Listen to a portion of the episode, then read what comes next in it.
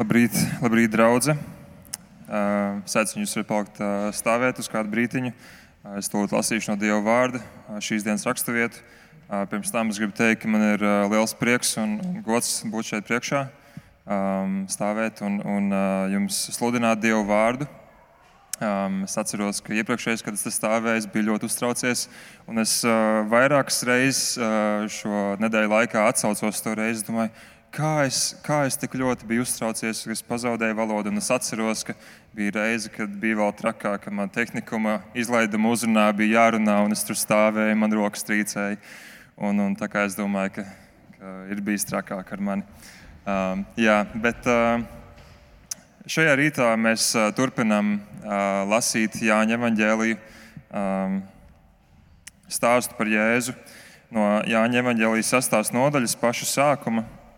Un es aicinu, ja jums ir bībeles, tad atveriet Jāņa evanģēlīju 6. nodaļu no 1 līdz 15. pantam.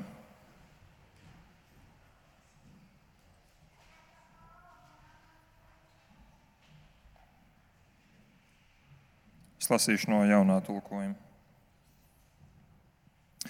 Un tur ir teikti vārdi Jāņa evanģēlijas 6. nodaļa no 1 līdz 15. pantam. Pēc tam Jēzus devās pāri Galilejas, jeb Tiberijas jūrai. Viņam sekoja liels ļaužu pūlis, jo tie redzēja zīmes, ko viņš bija darījis slimajiem. Tad Jēzus uzkāpa kalnā un tur ar saviem mācekļiem apsēdās. Paska, jūdu svētki bija tuvu. Jēzus pacēla acis un ieraudzījis, ka liels ļaužu pūlis nāk pie viņa. Sacīja Filipam, kur lai pērkam maizi, ko te mēst? Viņš tā teica, to pārbaudīdams, jo pats gan zināja, ko darīs. Filips viņam atbildēja, par 200 denārijiem tiem maizes nepietiks, lai katrs kaut mazliet dabūtu. Viens no viņa mācekļiem, Andrejs, Sīmaņa Pētera brālis, viņam sacīja: Šeit ir kāds zēns, kuram ir piecas miežu maizes un divas zivis, bet kas gan tas ir tik daudziem? Jēzus sacīja: Lieciet ļaudīm apsēsties. Tajā vietā bija daudz zāles. Un tie apsēdās, skaitā 5000 vīru. Tad Jēzus paņēma maizes un pateicies Dievam, izdalīja mācekļiem, bet mācekļi tiem, kas bija apsēdušies. Tāpat arī no zivīm, cik kurš gribēja. Kad tie bija pilnam pēduši, viņš sacīja saviem mācekļiem: Salasiet pāri palikušo maizi, lai nekas nepazustu. Tie salasīja un piepildīja 12 grozus ar maizes gabaliem, kas pēdušajiem bija palikušas pāri no piecām miežu maizēm. Tad nu ļaudis, redzēdami šo zīmi, ko viņš darīja, sacīja: Šis patiesi ir pravietis, kam jānāk pasaulē. Bet Jēzus nomanīdams, ka tie grasās nākt un viņus atvērt ar varu, lai celtu par ķēniņu, devās atkal viens pats uz kalnu. Debes Tēvs, es tev lūdzu šajā brīdī nāca un uzrunā mūs caur savu vārdu, nāca un mums atklāja savu vārdu patiesības. Es lūdzu, lai tas mūs ved tālāk šajā dzīvē un, un raisa ar vien lielāku interesi un mīlestību par tevi, Dievs. Es tev lūdzu, ka tas vārds var uz mums runāt, var mūs izaicināt, var mūs aicināt. Es lūdzu, Jēzus, lai tas viss ir par tevi un, un palīdzi man skaidri nokomunicēt to vēstu. Ja es to lūdzu tavā vārdā, Amen. Variet apsēsties.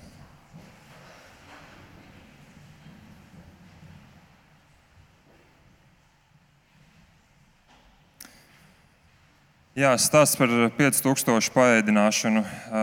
Es domāju, ka kristiešu aprindās šis ir daudz lasīts stāsts, brīnums, kaut kas ļoti neaptverams.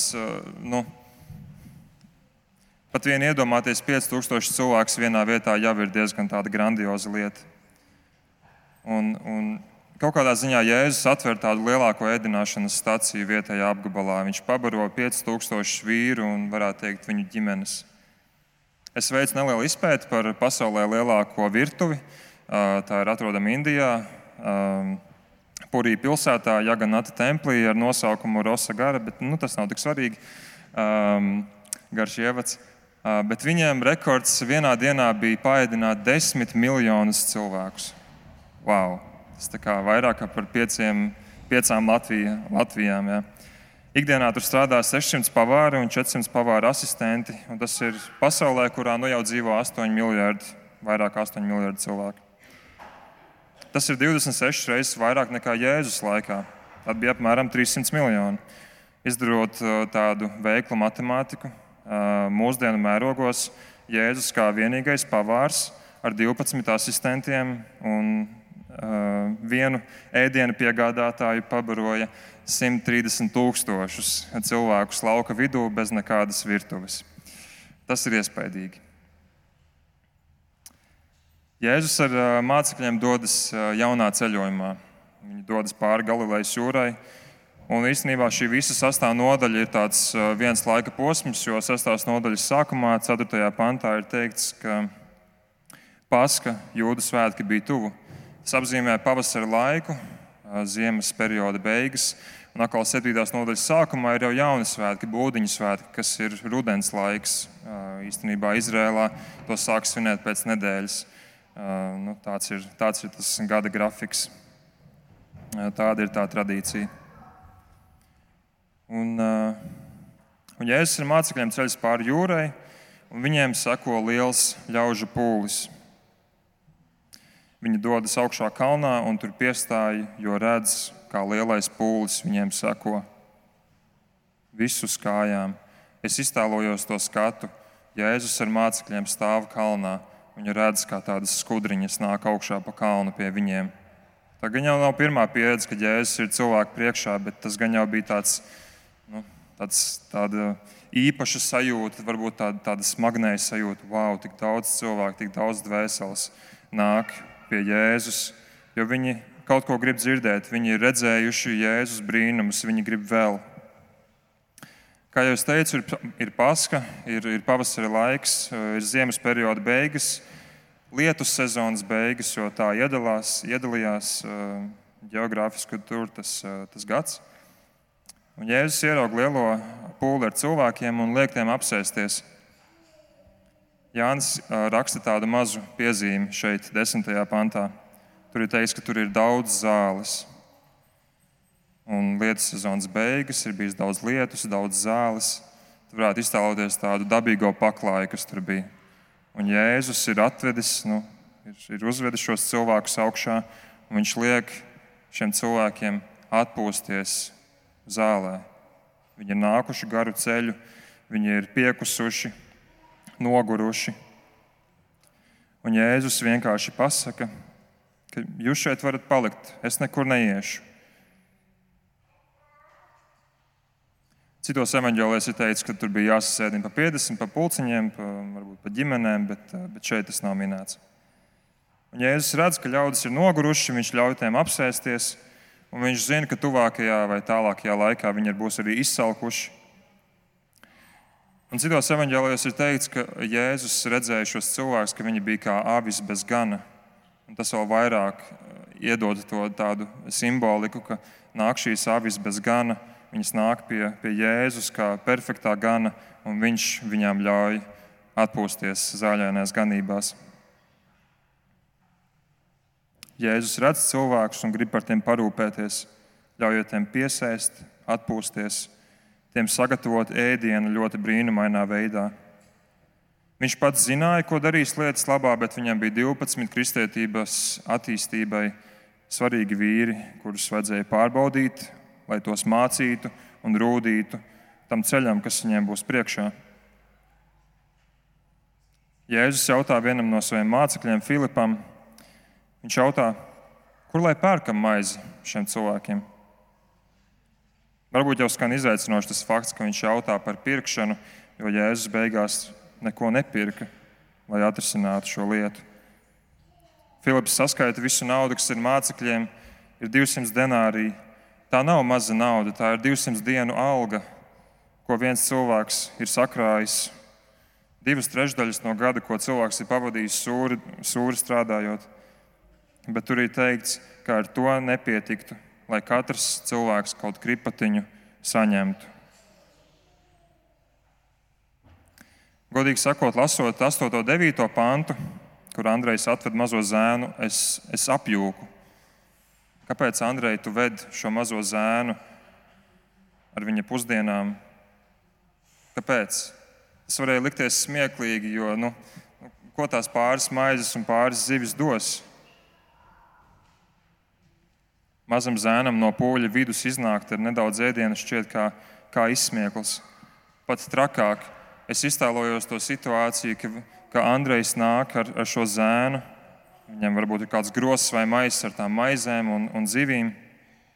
Un tur ir izsalkuši cilvēki. Vai jūs atceraties pēdējo reizi, kad jūs bijat izsalkuši? Pagājāt garām kādai kafejnīcai, kebabnīcai, citai ēstuvei,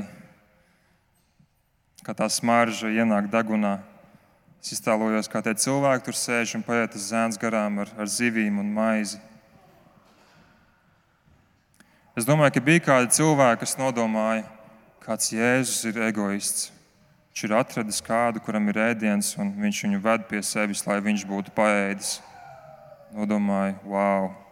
Viņš atradis kaut kādu zēnu ar viņa pusdienām, kuras apēst. Izklausās pēc uh, kādas uh, fil filmas. Uh, filmas daļas kaut kādā augstskolā, kur kādu, kādam mazajam atņem pusdienas.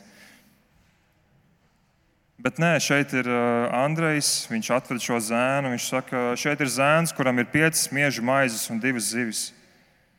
Un tad viņš saka to pašu, ko Filips tikko teica. Bet kas gan tas ir tik daudziem? Nav naudas, nav ēdienas, cilvēcīgi nav nekādu variantu. Sūtīt viņus mājās arī nebūtu gudri. Jo cilvēki grib dzirdēt jēzu, viņi ir redzējuši brīnumus, viņi grib redzēt vēl. Viņi ir atnākuši ar mērķi. Tas nebūtu jauki, ja Jēzus pateiktu pūlim, ejiet mājās, ejiet atpūsties, nu, atnāciet rīt. Es domāju, ka, ja cilvēks ir ar savu tādu interesi atnācis, tad viņš jau atpakaļ ceļā varētu būt to pazaudējis. Vai varbūt no rīta, nebūtu izgulējies, ne viņam nebūtu spēks atkal mērot tālo ceļu atpakaļ pie Jēzus. Situācija ir jārisina tagad. Um, es gribu runāt tādā, nezinu, vīlandes valodā, varbūt. um, iztēlojieties situāciju. Vīlandes draugs šeit, kādā svētdienā, pēkšņi ierastos liels pulsa cilvēkiem. Visas rindas tiek piepildītas apakšā, viss balkons tiek piepildīts. Cilvēki dodas lejā zālītē, kur televizors stāv un skatās tiešraidi. Viņi stāv kājās, apsēžās uz kāpnēm, sāk jau nākt augšā uz, uz, uz skatuves, kur, ir, kur, ir, kur būs slavētāji. Viss nams ir pilns ar cilvēkiem.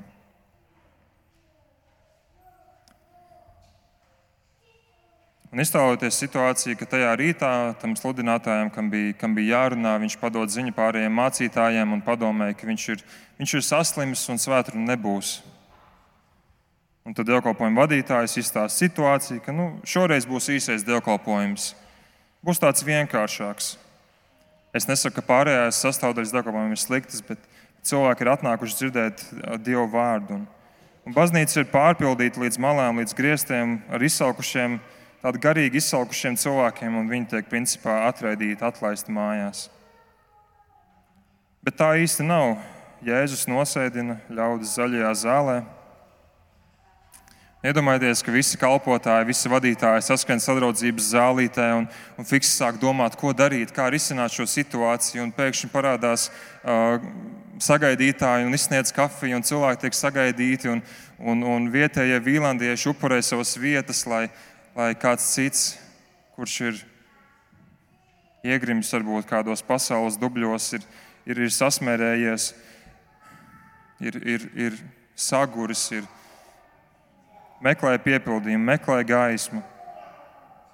Mēs, mēs saprastu, ka tiem cilvēkiem šeit ir svarīgāk būt. Es aiziešu mājās, es skatīšos tiešraidi. Viesmīlība, rūpes, mīlestība, nāk cilvēku augšā, teikt liecības. Un tiem cilvēkiem, kas ir tajā pūlī, vai tur Jēzus šajā raksturvietā, vai šajā situācijā, ko es, ko es izstāstīju, kaut kas sāk rosīties viņu sirdīs, jo viņi jūtas pieņemti. Tajā cilvēka attieksmē parādās kaut kas vairāk, nevis tikai tāda cilvēcīga mīlestība, bet kaut kas dievišķs. Kādam varbūt rodas tā sajūta, ka, wow, Dievs mani mīl. Mani šeit pieņēma, mani mīl.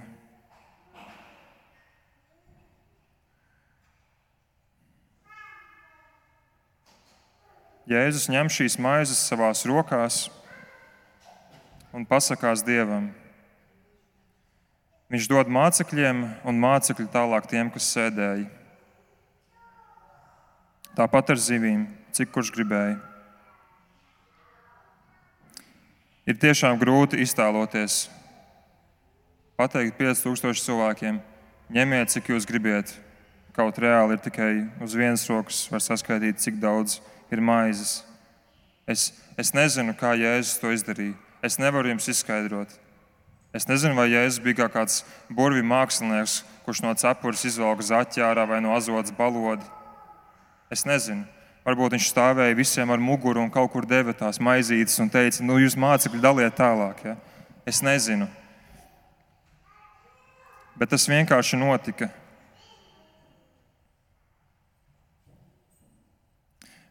Paiet kāds laiks, mācekļi ir visu izdalījuši. 5000 vīri, neskaitot bērnus un, un, un sievietes, ir pāēduši. Un Jēzus izsūta mācekļus salasīt to, kas palicis pāri. Un katrs māceklis piepilda veselu grozu. Atkal tāds personīgs piedzīvojums. Tādas ļoti personīgas lietas šajā tekstā parādās. Katrs māceklis man lasot šo tekstu, man neliekas, ka tas tāds sēņu groziņš ir bijis, ka tas ir bijis tāds kārtīgs grozs, un mācekļi iet šajā pūlī ar to lielo grozu un ņem tos pārpalikumus, kas palikuši. Vienkārši redz, kā pildās, kā, kā pildās augšā. Un tad viņi atnāk, atnāk atpakaļ pie Jēzus. Un, kas tikko notika? Viņi skatās viens uz otru, uz citiem mācekļiem un nodomā, to arī piepildīja, to arī Jēzus vienkārši neizdara kaut kādu tādu bezpersonisku brīnumu, kādu bezpersonisku, pārcilvēcīgu brīnumu. Viņš to izdara personīgi. Viņš ieaicina cilvēkus šajā piedzīvojumā.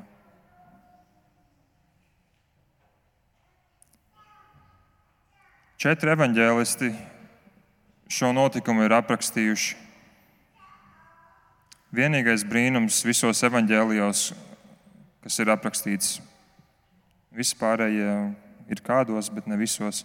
Šis ir vienīgais brīnums, ko visi četri Bībeles evaņģēlisti ir aprakstījuši. Tas ir unikāls, autentisks. Četri vīri, kas ir gājuši savu dzīvi, kas ir piedzīvojuši Dievu, kas ir piedzīvojuši Dieva brīnumus Viņi ir paši redzējuši Jēzu, varbūt, varbūt nav redzējuši Jēzu. Viņi ir salasījuši stāstus no citiem cilvēkiem. Viņi to apkopo, uzraksta ar savu roku. Pēc pārsimts gadiem šie, šie raksti nonāk, sanāk kopā vienā vietā vai kopijas. Bībele sāk, for, sāk tikt formēta. Un četri stāsti, četri autori. Katram kaut kādas savas nianses, savas motivācijas, bet bet viņi visi raksta par šo lietu. Tā nebija tāda izplānota lieta. Tas nebija, nebija izplānots, ka viņi visi tur būs. Visi to uzrakstīs. Bet šie stāsti saskan. Reāls notikums bez tāda cilvēciska paskaidrojuma. Atkal Dievs parāda to, ka mazumiņam ir spēks. Kaut kam, kas ir mazs, ir potenciāls būt, būt daudz Dieva rokās. Līdzīgi stāstam par, par sievieti templī, kas ziedoja divas, divas monētiņas. Viņa tiek uzslavēta pāri tiem, kas ziedoja zelta maisus. Varētu šis, nu, viņi iemet tur tās divas monētiņas. Uh, templī, ziedojuma traukā un tikai noskanēja nedaudz tas trauciņš. Ja? Un, kad nāk tie, tie, tie lielie kārtīgie vīri un iemet tur savus zelta maizes un kā tur norīp tas ziedojuma trauks. Bet Jēzus tajā brīdī uzslavēja to sievieti, kas deva visu, kas viņai bija. Mazā zēna pusdienas mēro tālu ceļu Jēzus rokās.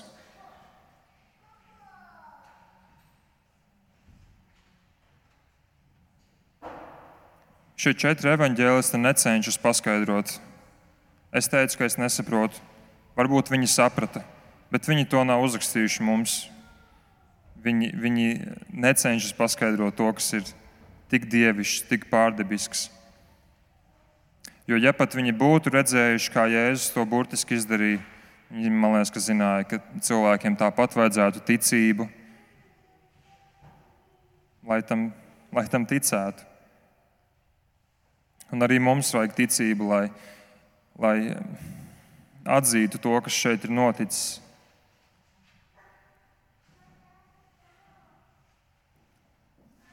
Jēzus parāda tādu vispārēju žēlastību šeit cilvēkiem. Ir teikts, ka saule lec visiem. Ne, mm, nav gan. Mateja evanģēlijā 5. nodaļā, 45. pantā ir teikts, jo, jo viņš liek saulē uzliekt par ļauniem un par labiem lietum līdz pār taisniem un netaisniem.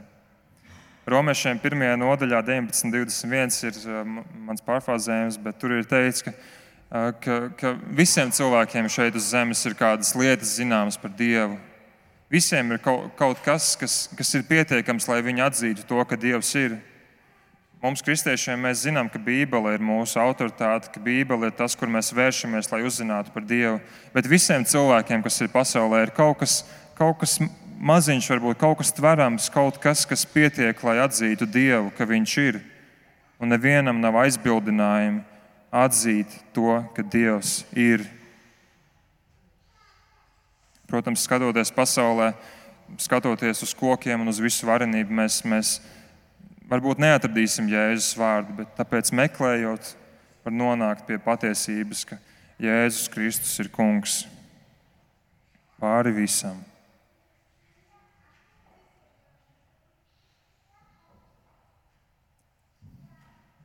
Es atkārtošu, man liekas, ka Jēzus šeit tiešām personīgi rīkojas.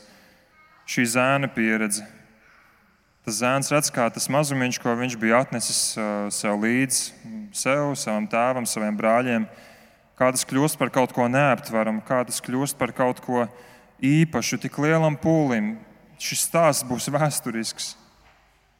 Viņš mājās iespējams aiznesa pilnas somas, pilnas grozus ar ēdienu un visiem stāstīja par Jēzus varenību. Jēzus liecina par savu visvarano spēku. Jēzus parāda viesmīlību cilvēkiem. Viņš liek apsēsties. Bieži baznīcā nevar saprast, vai pēc iespējām sēdēt vai stāvēt. Tad, no priekšas nepasaka, un, un tad ir tāds nu, jautājums, vai celties vai stāvēt, citi neceļās. Bet Jēzus nosēdina cilvēkus lai tie zinātu, ka drīkst sēdēt. Viņš nekur nepazudīs. Viņš saka, jūs varat apsēsties, jūs varat atpūsties. Es šeit būšu. Es izdomāšu, kā jūs pabarot. Es šeit būšu. Viņš parāda rūpes cilvēkiem. Mazums tiek pārvērsts pārpilnībā, bet tā pārpilnība netiek uztverta pašsaprotami bija šīs piecas maizes un divas zivis. Un Jēzus to pārvērta tik lielā apmērā, ka visiem pietika, lai viņi paņemtu, cik daudz viņi gribēja, iespējams, vēl vairāk. Bet tad Jēzus izsūta savus mācekļus laukā, lai viņi salasītu pārpalikumus. Man liekas, ka tā ir mācība par to, ka ir svarīgi, ka mēs Dievam sakam paldies par to, kas ir jau dots, un mēs ja pat ir pārpilnība, ja pat ir bagātība, ja ir labklājība, tad mēs to neustveram pašsaprotami. Cik, cik necienīgi būtu bijis Jēzum, mācekļiem, visam pūlim aiziet prom pilniem vēderiem, un tur vienkārši pilns lauks ar maizes gabaliem. Bet nē, tas tiek salasīts, tas tiek salasīts kopā. Un, Un tā ir tikai mana interpretācija, ka katrs māceklis piepildīja vienu grozu, varbūt kāds piepildīja divus, varbūt kāds pusgrozu. Bet es domāju, tas bija, tas bija tāds personīgs pieskāriens arī viņiem šajā, šajā brīdī. Pašās raksturvietas beigās ir rakstīts par, par ļaužu reakciju. Ka viņi redzēdami šo zīmi, ko Jēzus bija darījis, viņi teica, ka šis patiesi ir pravietis, kam jānāk pasaulē. Bet Jēzus, nomanīdams, ka tie grasās nākt un viņus atvērt ar varu, lai celtu par ķēniņu, devās atkal viens pats uz kalnu. Es pieņemu, ka lūg Dievu.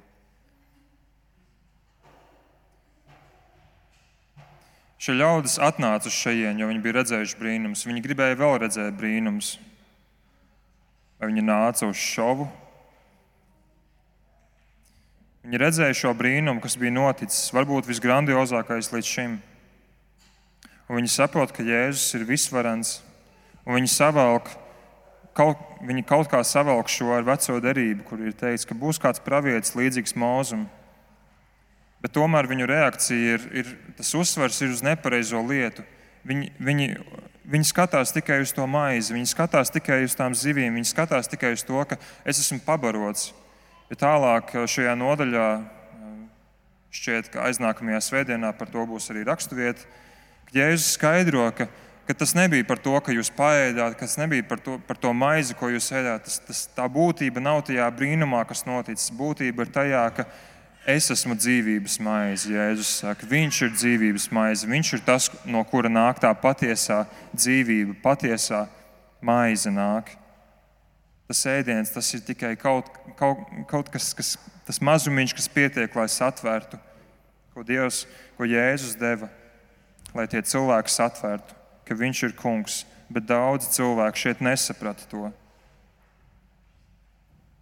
Viņi vienkārši domāja par kārtējo zīmi, ko Jēzus darīs. Šis kaut kādā ziņā bija Jēzus uh, slavas brīdis, zvaigžņu brīdis. Viņam bija tik daudz sakotāji, tik daudz cilvēki. Bet viņu nepilnīgās izpratnes dēļ Jēzum jādodas ir kalnā, prom vienatnē lai ļaudis norimtos.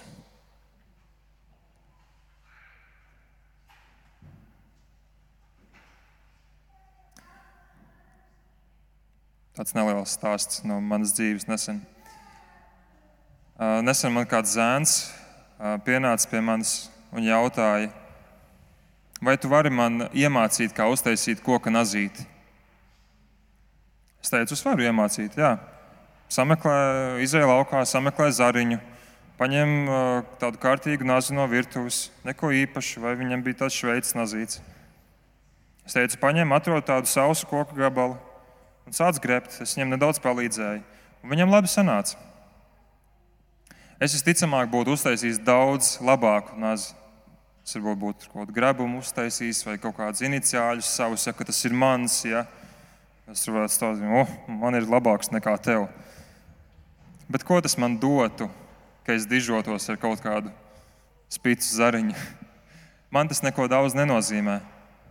Bet šis mazais tāds piedzīvojums šim mazajam šim zēnam bija, iespējams, bija kaut kas, kaut kā tāda maza sēkliņa, kas viņu, kas viņu varētu aizraut. Jo tas bija īstenībā mans stāsts, kā man radās interese par, par galdniecību, ka, ka es gāju uz kaut kādiem pulciņiem, bija kaut kāda maza lietiņa, kas man aizrāva.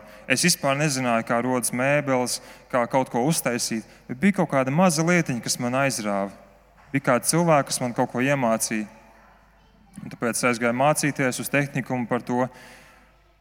Tagad es jā, strādāju arī un, un, un tā ir kādas mēbeles. Jēzus iesaista cilvēkus savā brīnumā. Viņš, ne, viņš vienkārši nedižojās ar to, ko viņš spēja izdarīt. Viņš nedižojās ar savu dievišķīgumu. Viņš to parāda, jā, bet viņš arī ienes cilvēkus savā brīnumā. Viņš ļauj viņiem piedzīvot to personīgi. Viņš ļauj viņiem piedzīvot kaut kādu daļu no tā koka nazīša. Jēzus šeit ar vārdiem neko nemāca Ir tikai pāris teikumi, ko viņš šeit pasaka, kāds jautājums un, un kāda norādījuma. Bet Jēzus diezgan spēcīgi ar, ar, ar pārbaudījumu stājas priekšā mācekļiem. Viņš viņiem iedod uzdevumu, iedod uzdevumu. Jēzus jau zināja, ko, ko viņš darīs un kas notiks. Un viņš šā vai tā darītu to, kas viņam ir plānā. Jēzus šā vai tā pabaro tos cilvēkus. Bet viņam bija tie 12 vistuvākie vīri, kas bija ļoti svarīgi, lai Bībele taptu mums, lai kristietība ietu plašumā, lai draudzes ietu plašumā, lai mums būtu vēl kāds piemērs no kristīgiem vīriem, kur ir pieredzējuši Jēzu. Un Jēzus pārbauda viņus. Jēzus pārbauda viņu masticību. Ko Jēzus sagaidīja no tā, ka viņš jautāja viņam, kur jūs pirksiet ēdienu šiem cilvēkiem? Vai viņš sagaidīja, ka Filips uzreiz teiks, Jā, es zinu, tu, tu, tu pateiksies Dievam un būs ēdiens? Es domāju, ka nē, es domāju, ka Filips un Andrejs darīja to, kas bija vissaprātīgākais, to, kas, nu, to, kas bija saprātīgs, cilvēcīgs, gudrs. Jā, saskaitām mācekļu visu naudu, paskatāmies, kur ir ēdiens šeit cilvēkiem. Nepietiek, bet viņi bija izdarījuši savu daļu. Tad ir jānāk Dievam, lai Viņš to darītu pilnīgi. Šeit arī var savilkt tādu saikni ar to, ka mēs varam daudz labas lietas darīt, izdarīt, izdarīt savu daļu, bet tad ir, ir jānāk Jēzum, ir jānāk Jēzum, viņam ir, viņam ir jānomirst par mums, lai, lai, lai mēs kļūtu svēti. Vai tu esi Jēzus māceklis, viņa sekotājs, vai tevi Jēzus pārbauda? Vai tu zini, ka Jēzus tevi pārbauda? Kas ir tas viens notikums vai notikuma secība, caur ko Jēzus tevi pārbauda? Pārbauda, kā tu atbildēsi, bet tāpat laikā neatkarīgi no tā, kā tu atbildēsi, viņš izpilda savu gribu. Tas ir kaut kas, par ko tu vari aizdomāties. Jēzus māca mīlēt cilvēkus uh, universāli. Pūlī bija dažādi cilvēki. Vienkārši zvejnieki, ģimenes, bērni, kas skraidīja apkārt, farizēji, kas diskutēja par to, kā, kā Jēzu pieķert ar kādu viltību, kā diskutēja, vai, vai viņš ir teoloģiski pareizs. Cilvēki, kas centās Jēzu apmelot, cilvēki, kas nāca, kuri bija neizpratnē par Jēzus brīnumaino dabu cilvēki ar simtiem teoloģiskiem jautājumiem. Un viņš šos visus cilvēkus nosēdina mīkstā zālītē, atpūsties, parūpējas par viņiem fiziski, liek savam ganāmpulkam nomesties zāļainās ganībās. Jēzus pabaroja visas avis, visus spurainos āžus, visus vilkus, visus patīkamos Visus, kas tur bija. Viņš tā nešķiroja. Viņš neteica mācekļiem, ejiet tur, ejiet tur, bet tur ir tie, kurus es negribu pabarot. Viņiem nē. Jēzus visus pabaro. Viņš tā kā pie, piemet, uzsēdina kādas karstas ogas tiem farizējiem uz galvas, kas centās viņu pievilkt.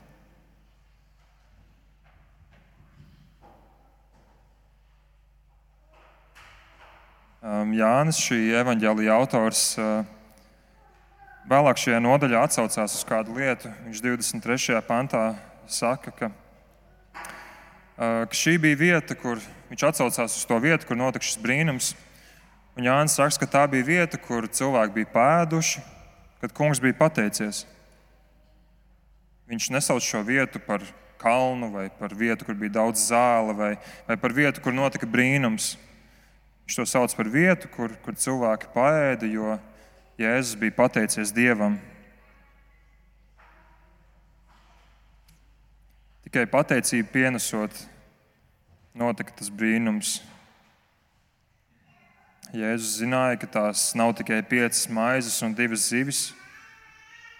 Šis mazais barības avots, kurš sākotnēji varēja pabarot tikai vienu vai divus, tā nauda, kas varēja pabarot varbūt pāris simtus, tas bija kaut kas daudz vairāk. Vēršoties ar pateicību uz augšu. Cik mazu ticību vajag, cik maz vajag, lai, lai Dievs izmantotu to, kas ir mums. Es domāju, ka tas varētu būt kāds labs darbs, veltīts laiks sarunām ar cilvēkiem, kad ziedota nauda, uztaisīt ciltsēdiens kāds labs vārds, iedrošinājums kādam brālim vai māsai ticībā, kāds treniņš kopā ar džekiem, kopā pildīt mājas darbu. Kaut kas tāds pavisam maziņš. Šeit raksturvietā parādās tas, ka ir, ir kaut kas ļoti maziņš, bet Dievs to pārvērš par kaut ko ļoti grandiozu.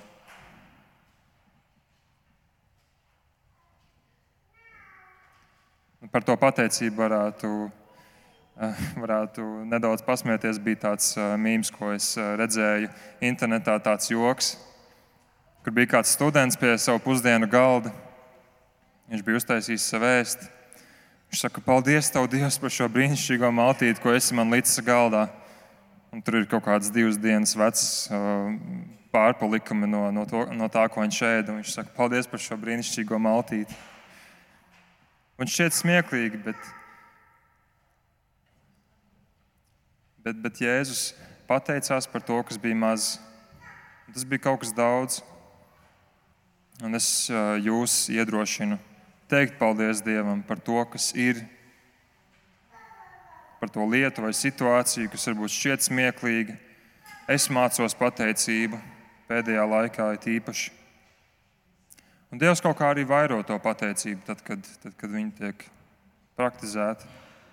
Šķiet, ka Dievs aicina pateikties par kaut ko lielāku, par kaut ko vairāk nekā tajām ikdienišķajām lietām, par, par ko tiek teikts paldies katru reizi.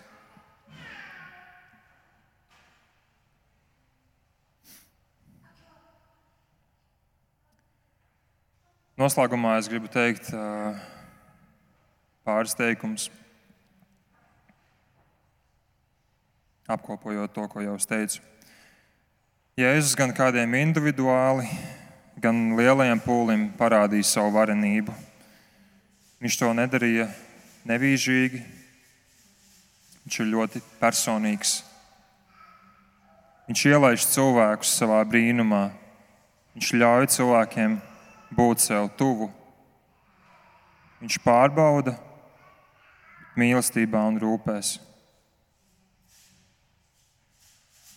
Jēzus it kā no mīnusa aiziet uz nulli. Jums, jums labāk būtu no mīnusa aiziet uz nulli un tad aiziet uz plusu. No sākuma visi bija izsalkuši un nebija ēdiens. Tad uzrādījās ēdiens un cilvēki tika pabaroti, bet tas, kas palika pāri, netika uztverts pašsaprotami. Bija, bija pluss, bija, bija vairāk nekā, nekā bija domāts.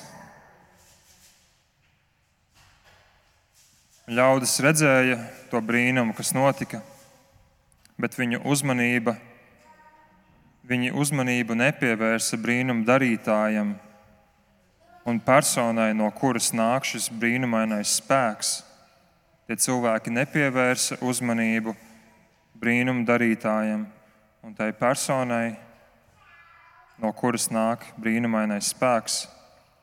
Turpretī viņi tikai pielūdza un meklēja tos brīnumu darbus. Meklēja jaunas zīmes, ko Jēzus varētu darīt viņiem, kā viņus iepriecināt, kā viņus izklaidēt. Es gribu jautāt jautājumu. Vai tu zini neredzamo brīnumu darītāju, kas stāvēs visas šīs pasaules? Vai tikai dzīvo viņa žēlastībā. Amen. Debes Tēvs, es Tev pateicos par šo brīdi, es Tev pateicos par Tavu vārdu. Es Tev pateicos, ka Tu parādi mums sīkumus, detaļas, Tu parādi savu varenību, Tu parādi savu spēku. Tu parādi, ka, ka Tavās rokās kaut kas maziņš var tikt pārvērsts par kaut ko neaptveramu, kaut ko grandiozu. Es tev, kungs, lūdzu, ka mēs ikdienā neuztvērtu par pašsaprotamu tās svētības, ko tu mums dod, ko mēs varbūt vairs neredzam, ka tu tās dod. Ka mēs tev teiktu paldies, ka mēs savāktu to, kas ir palicis pāri, ka mēs to izmantotu. Un es tev, kungs, lūdzu, ka tu atvērtu mums, savu, atvērtu mums acis, ka mēs redzētu nevis tikai to to labo, kas notiek pasaulē, ka tās svētības, ko tu dod šajā grūtajā laikā, šeit uz zemes, bet ka mēs caur visu, caur visu, ko mēs piedzīvojam, caur visu, ko mēs lasām Bībelē, caur visām sarunām, kas mums ir cilvēkiem, caur visu, kas ir, ka mēs ieraudzītu to brīnumu darītāju, kas stāv aiz visa un nepievērstu tik lielu uzmanību tiem pašiem darbiem. Jēzu, lai tev viss gods un visa slava. Tu esi mūsu kungs un mūsu ķēniņš. Amen.